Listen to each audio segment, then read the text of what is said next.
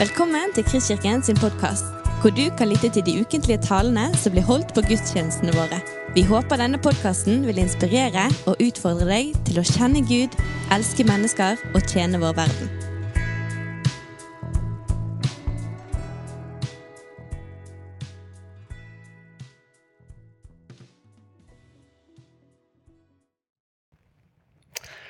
Når en eh, fotballtrener mister eh, jobben, så hører vi noen ganger at eh, han har eh, mistet garderoben. Spillerne hører ikke på han lenger. Det kan være mange grunner til det. Det kan jo være at det er spillerne som gjør dårlige valg, ikke bare treneren. Men òg uten noen sånn veldig kompetanse innenfor fotball, så kan vi forestille oss at når dette skjer, når garderobepraten ikke fungerer lenger, så kan treneren ganske fort bli helt utmanøvrert. Han kan være så god trener han bare vil. Hvis han ikke får spillerne til å gjøre det han sier, da er det et eller annet som må skje. Og så Med motsatt fortegn så hører vi av og til TV-kommentatorene spørre hva i all verden var det for noe flott treneren sa i pausen når prestasjonene i andre omgang er langt bedre enn de var i første. Spillerne er jo de samme på begge lag, så det må ha skjedd noe i hodene deres i løpet av pausen. For den saks skyld må det jo ikke være treneren som har sagt noe genialt. Det kan òg være noen av spillerne som sjøl har tatt ansvar og hjulpet fellesskapet til å finne en vei videre. Poenget er at eh, det ligger mye kraft i denne garderobepraten. Og det gjelder naturligvis slett ikke bare for fotballag eller for andre idrettsutøvere. Det kan dreie seg om et avdelingsmøte på jobben, et eh, seminar, en bok man leser, en podkast man hører. Det kan være en inspirerende samtale med en mentor. Det kan være foreldres gode råd til barna. Det handler om de samtalene som setter mot i oss, som hjelper oss til å se noe vi ikke så før, til å forstå et potensial vi ikke fikk øye på. De samtalene som fører til positiv forandring som korrigerer kursen når vi har sporet av. På en måte er det en sånn samtale vi får del i ved å lese Paulus sitt andre brev til Timotius. Vi tar et par raske sveip først innom kapittel 1 for å få med oss litt av sammenhengen. Dette blir jo da reprise for de av dere som har vært her de foregående søndagene. I kapittel 1 vers 4, vi ser noen av de på skjermen her allerede, så sier apostelen 'Jeg glemmer ikke tårene dine'. Han følger opp i vers 5. 'Jeg husker din oppriktige tro'. Og i vers 6.: Derfor vil jeg minne deg om dette. La Guds nådegave i deg flamme opp på nytt.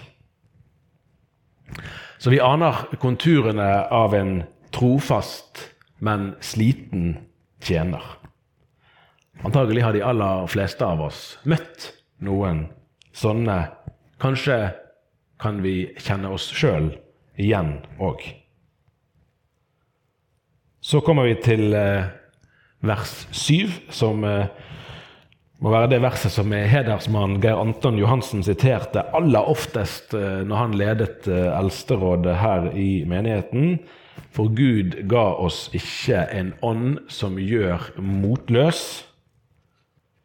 Vi fikk ånden som gir kraft, kjærlighet og visdom. Det sto krafts-, kjærlighets- og sindighetsånd i den oversettelsen som Geir Anton pleide å sitere fra.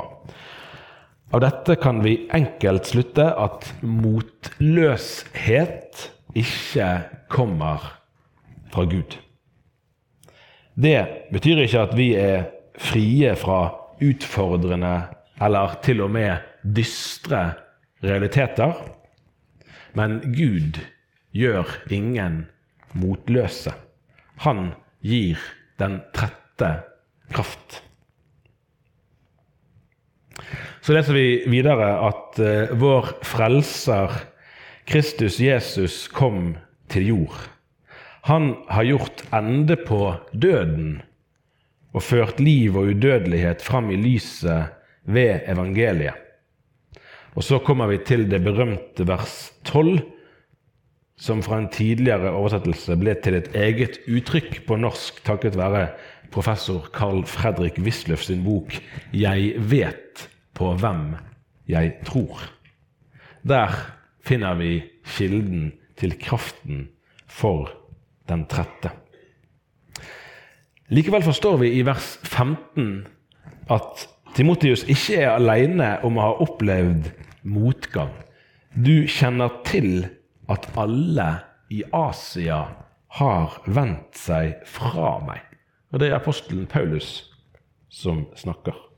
Det er ganske sterke ord fra den kristne kirkes ja, kanskje fremste helt etter Jesus Kristus og de aller første apostlene. Så det er altså ikke bare i våre dager at folk eh, forlater kirken der de har hatt deler av oppveksten sin. Det kan òg være nyttig å huske på når vi iblant kan bli bekymret over utviklingen i vårt eget samfunn. Og Da er vi kommet frem til dagens tekst. Og Da leser vi sammen fra Paulus' andre brev til Timotius kapittel 2, vers 1-13. Vær da sterk, mitt barn, ved nåden i Kristus Jesus. Det du har hørt av meg i mange vitners nærvær, skal du gi videre til pålitelige mennesker som er i stand til å undervise andre. Bær også du lidelsene som en god stridsmann for Kristus Jesus. Ingen soldat lar seg hindre av dagliglivets gjøremål, for han vil gjøre som hærføreren vil. Og en idrettsmann må følge reglene om han skal vinne seierskransen. Bonden som arbeider hardt, skal få først av avlingen.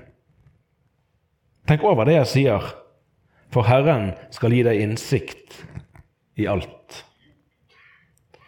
Husk på Jesus Kristus, han som ble reist opp fra de døde og er av Davids ett dette er mitt evangelium, og for dette lider jeg. Ja, jeg er bundet i lenker som en forbryter. Men Guds ord er ikke bundet. Derfor utholder jeg alt for de utvalgtes skyld, for at også de skal nå frem til frelsen i Kristus Jesus og få evig herlighet. Dette er et troverdig ord. Døde vi med ham, skal vi også leve med ham. Holder vi ut, skal vi også herske med ham. Fornekter vi, skal han fornekte oss. Er vi troløse, så er han trofast, for han kan ikke fornekte seg selv. Vær da sterk, mitt barn, formaner Paulus. Men eh, budskapet er ikke 'ta deg sammen'. Stram deg opp. Skjerp deg. Husker dere han eh, treneren til det russiske håndballaget for kvinner? Det kan være sårbart å referere til Russland i disse dager. og Jeg mener ikke å bruke denne treneren som illustrasjon på noen av de grusomhetene vi ser og hører om i dag. Men husker dere hvordan han pleide å, å kjefte på spillerne sine hele tiden? Jeg er ikke noen eh, pedagog, i hvert fall ikke håndballekspert. Det er derimot Kristoffer. Men det er ikke helt lett å se for seg at spillerne blir bedre av å bli skjelt ut jevnlig. Det tror jeg vi kan si. Uten å trekke parallellene for langt, så er det en helt annen tone vi finner hos Paus. Budskapet er at Timoteus skal få være sterk ved Jesu Kristi nåde. Det er noe helt annet. I denne nåden kan man være sterk til og med når man er svak. Så finner vi vel egentlig tekstens oppdrag eh, presist uttrykt i vers 2. Eh, Paulus eh, har delt evangeliet med Timotius. Det er vel tror jeg, Timotius som er riktig uttale. Han skal så gi det videre til andre mennesker, som igjen er i stand til å gi det videre til nye. Dermed er kjedereaksjonen i full gang, og litt enkelt sagt kan vi si at her sitter vi i dag som følge av det.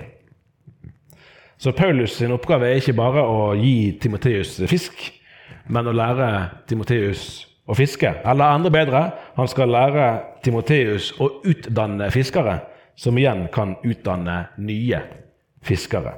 Han skal ikke bare gi Timoteus poteter eller gulrøtter eller bananer eller druer eller hva det måtte være. Han skal lære Timoteus å lære andre, som igjen kan lære andre. Budskapet er ikke de sjøl, eller hvor smarte og flinke de er. Budskapet er det som de sjøl har blitt gitt av Jesus Kristus. Vers 3 er òg konsist. Bær også du lidelsene som en god stridsmann for Kristus Jesus.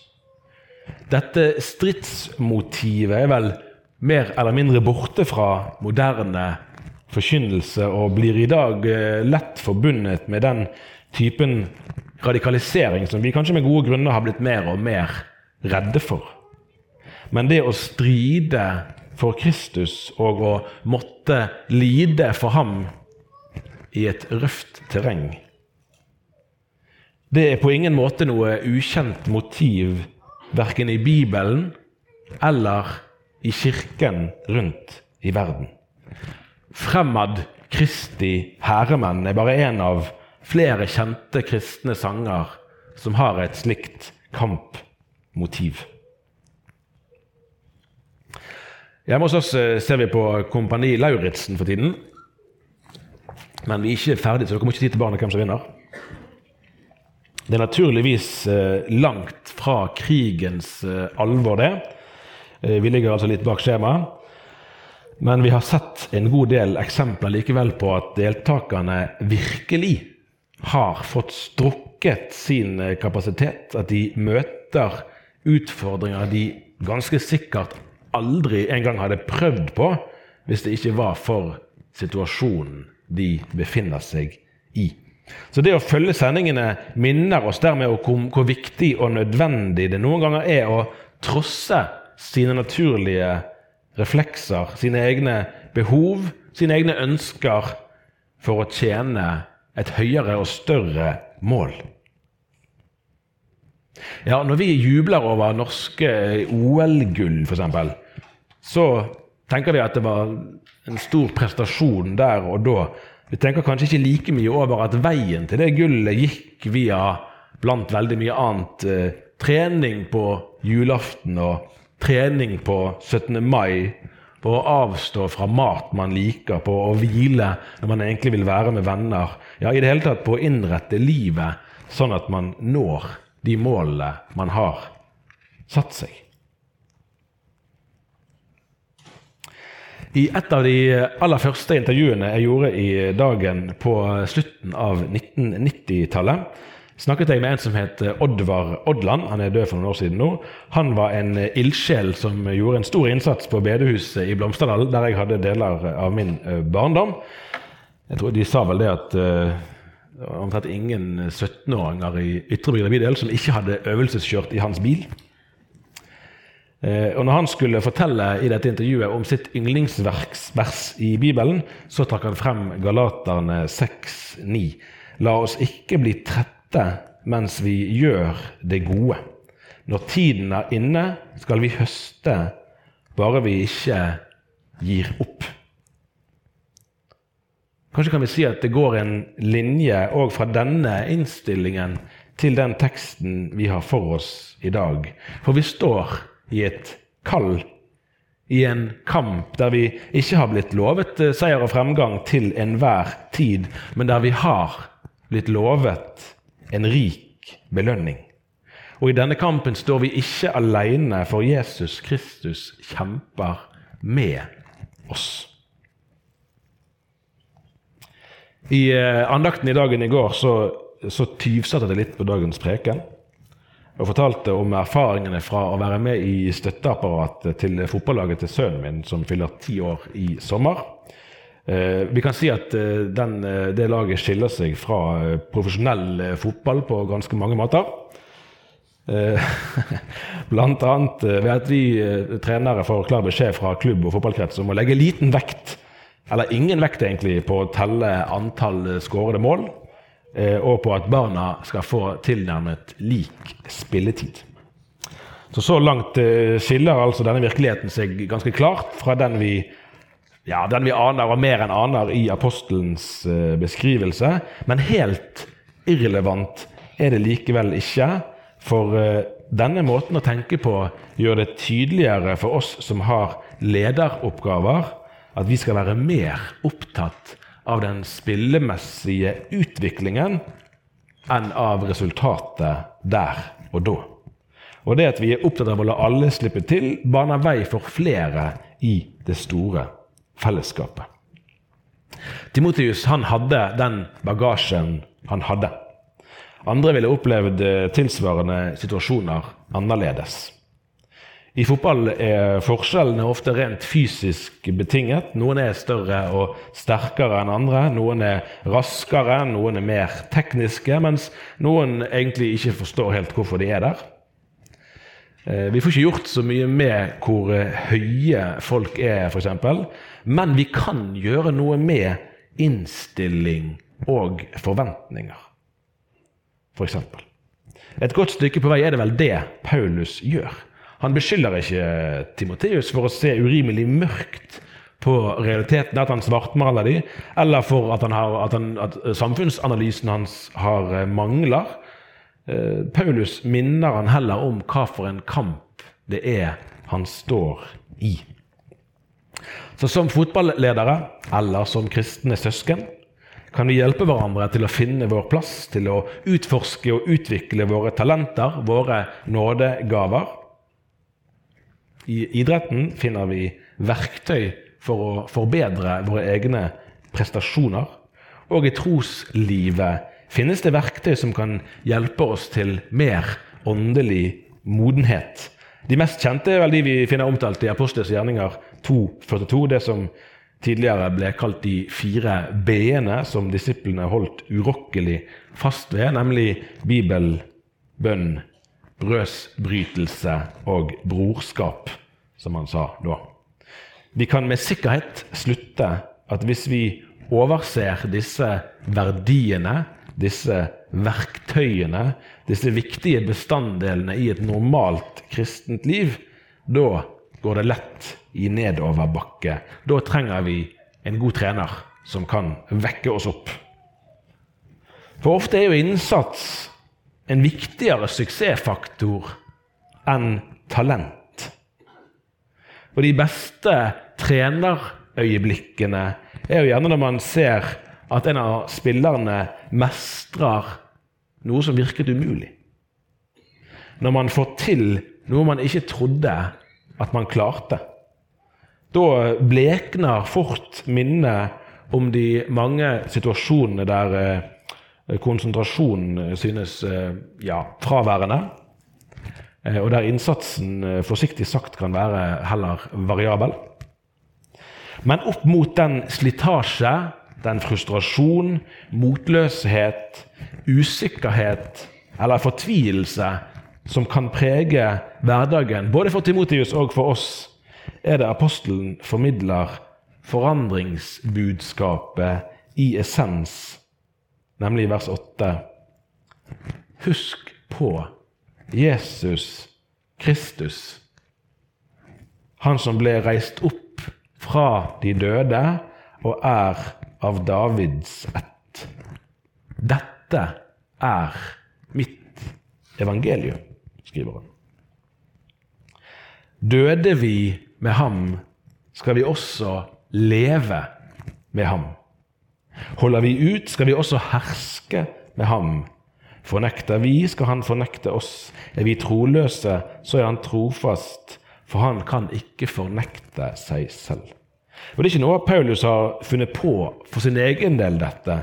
Jesus blir plassert der han hører hjemme, i Davids ett. Dermed blir hans kontinuitet med jødefolket, med det gamle Israels historie, understreket tydelig og klart. Så Timoteus skal ikke bare stole på treneren, på Paulus. Han skal først og fremst stole på treneren sin oppdragsgiver. Tidligere i teksten refererer Paulus som vi har sett både til det militære og til idretten som arenaer der det å fornekte seg sjøl er en nødvendig del av jobben. Det er et stykke vei mellom denne virkeligheten og den vi har i barnefotballen, som nevnt. Men det å utøve selvdisiplin det er ikke bare noe for idrettsfolk eller soldater eller gårdbrukere eller for noen bestemt aldersgruppe.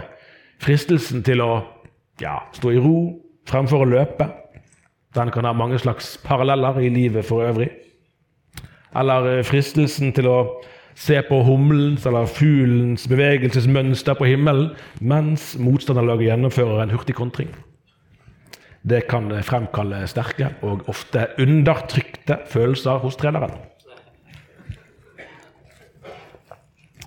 Igjen er ikke apostelens budskap at eh, Timotius skal skjerpe seg. Budskapet hans er at om Timotius er troløs, så er Gud fortsatt trofast. Trenere kan være gode og dårlige. Det kan spillere òg være. I idrett blir man over tid belønnet for sine prestasjoner. I Guds rike er utgangspunktet annerledes. Vår Herre vet godt at vi tilhører en troløs slekt. Hans kjærlighet til oss er heldigvis ikke betinget av at vi maksimerer kvaliteten på våre egne prestasjoner.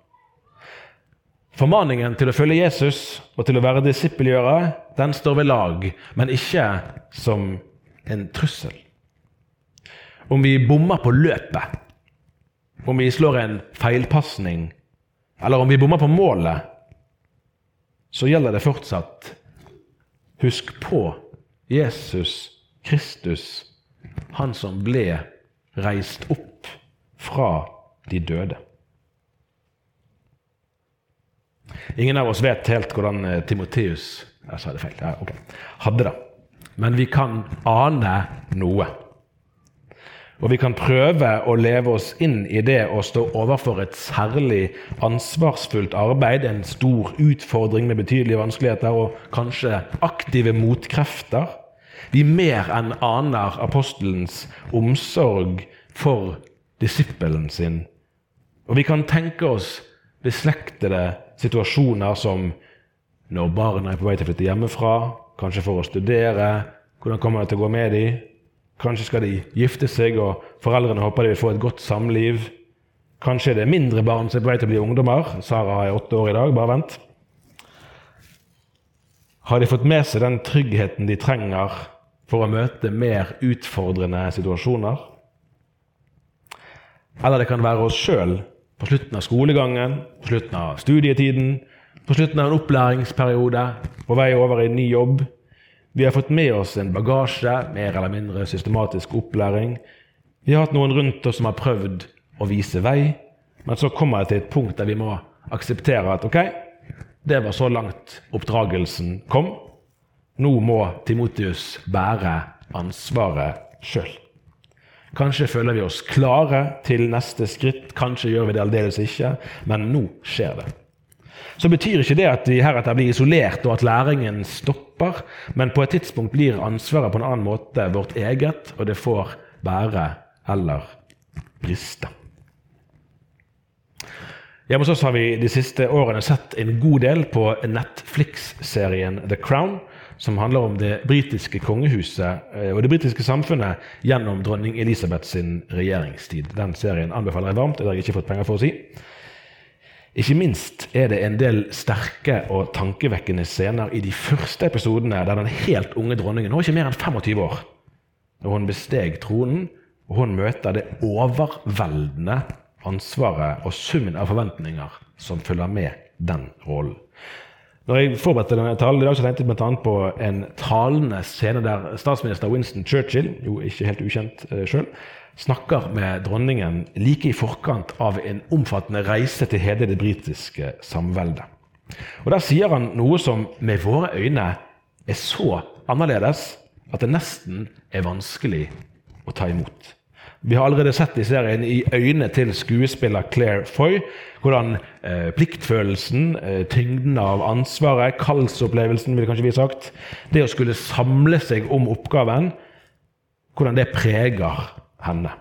Hun har fått den opplæringen hun har fått. som sagt. Nå skal båten ut på dypt vann, og det er hun som står ved roret.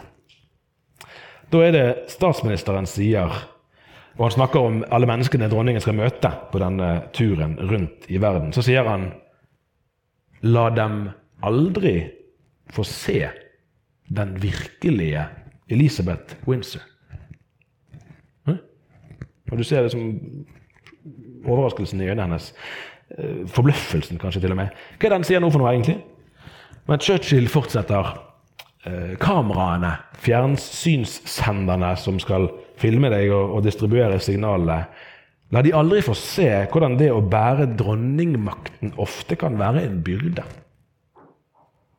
Og så ser den allerede gamle mannen intenst og omsorgsfullt på den unge dronningen og sier La de betrakte deg Og så er det nesten som en predikant som snakker, men la de oppfatte kun det evige.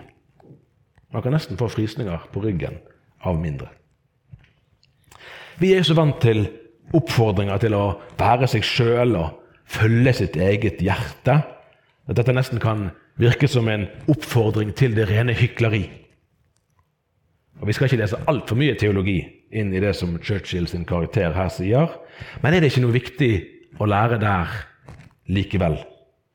Det ligger ingen virkelighetsfornektelse i det han sier. Dronningen sin uro, hennes frykt og usikkerhet, den skal få lov til å være der. Den vil nok være der. Ja, vi kan til og med si at den bør være der, fordi den forteller noe om at hun forstår litt av alvoret som dronninggjerningen hennes er forbundet med. Og uten å trekke sammenligningen for langt, så kan en kristen òg kjenne på et stort alvor over det å ha ansvar for å bringe evangeliet videre der jeg bor eller jobber, eller hva det måtte være. Da er det betryggende å slippe tanken på at det er meg alt avhenger av. At jeg er på hugget, at jeg ikke gjør feil, at jeg viser meg fra min beste side. Det er ikke meg eller deg. Det kommer an på det er Gud som representerer trofastheten. Vi skal straks feire pinse. Eh, og En av måtene det greske ordet for Den hellige ånd blir eh, oversatt på, er sekundant. Vi kunne sagt inspirator, veileder eller trener.